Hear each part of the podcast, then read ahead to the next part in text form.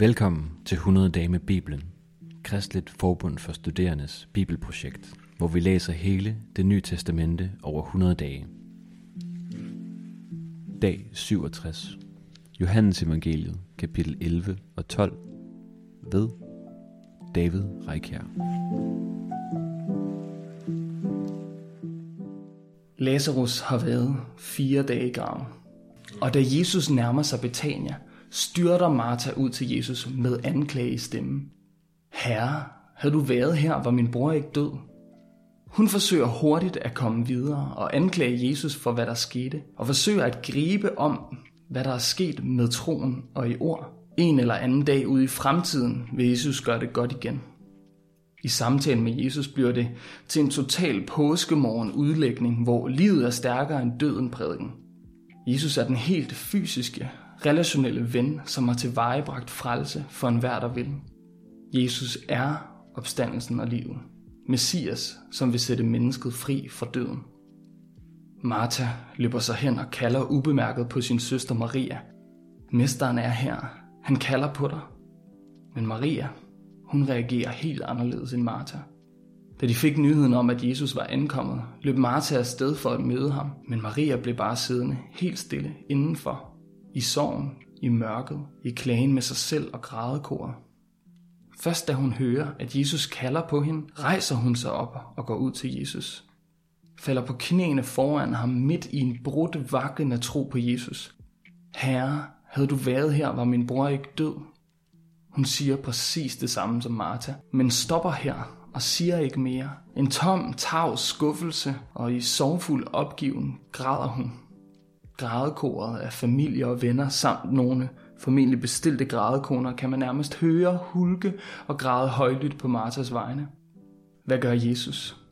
Tyrer han til ord, som med Martha og forsøger at rationalisere noget og tale om tro? Give hende en fysisk omsorg i et kram?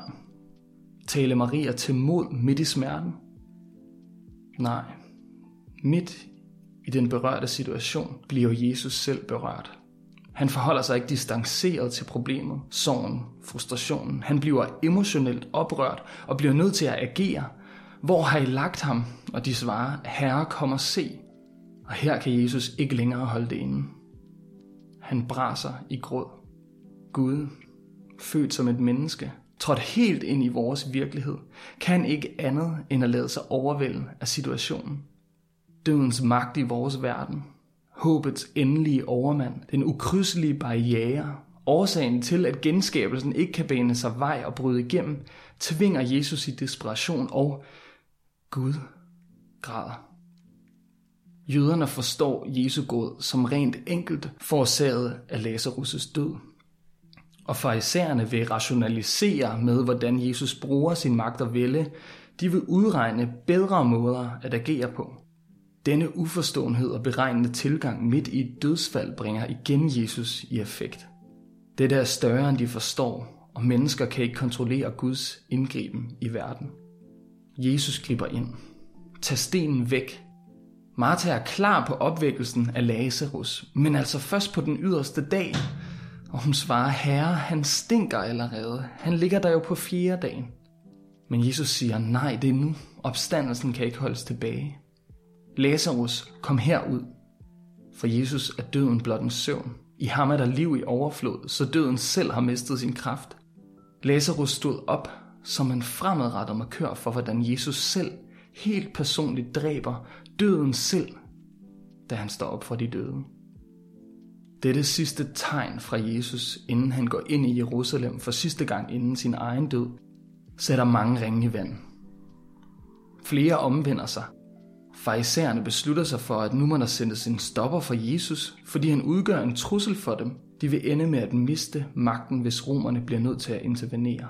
Ypperste præsten Kajfas profeterer, til synlædende helt uden selv at vide det, Jesus vil dø i hele folkets sted og samle alle Guds spredte børn til ét. Et Guds folk. Lørdag, før påsken, dagen før palmesøndag, sidder Jesus til bords hjemme hos Martha, Maria og Lazarus. De holder festmåltid for Jesus, og Maria salver Jesu fødder med en dyr nardusolie. Judas Iskariot sætter spørgsmålstegn ved, om hvorvidt det var en god brug af økonomiske ressourcer, og Judas afsløres derved som en tyv. Men Jesus siger, at Maria skal tillades at beholde resten af nardusolien, for Jesus skal en dag begraves. Derved peger salvningen frem mod Jesu død, og han er nu klar til at gå ind i Jerusalem. Dagen efter gør Jesus sit indtog i Jerusalem. Folkeskaren råber profetisk, Hosianna Israels konge, og Jesus rider på et ungt æsel. Disciplerne forstår først bagefter meningen med disse hændelser.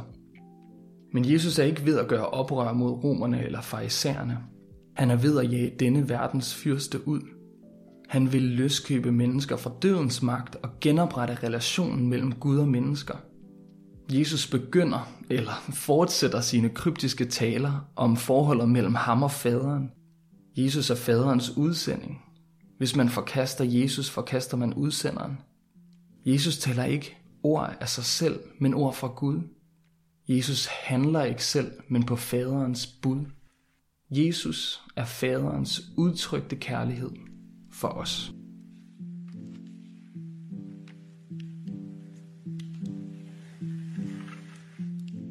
Hvis du har lyst til at følge vores læseplan, eller har lyst til at støtte vores arbejde med at formidle Bibelen, så gå ind på kfs.dk-100-dage, eller følg linket i episodebeskrivelsen.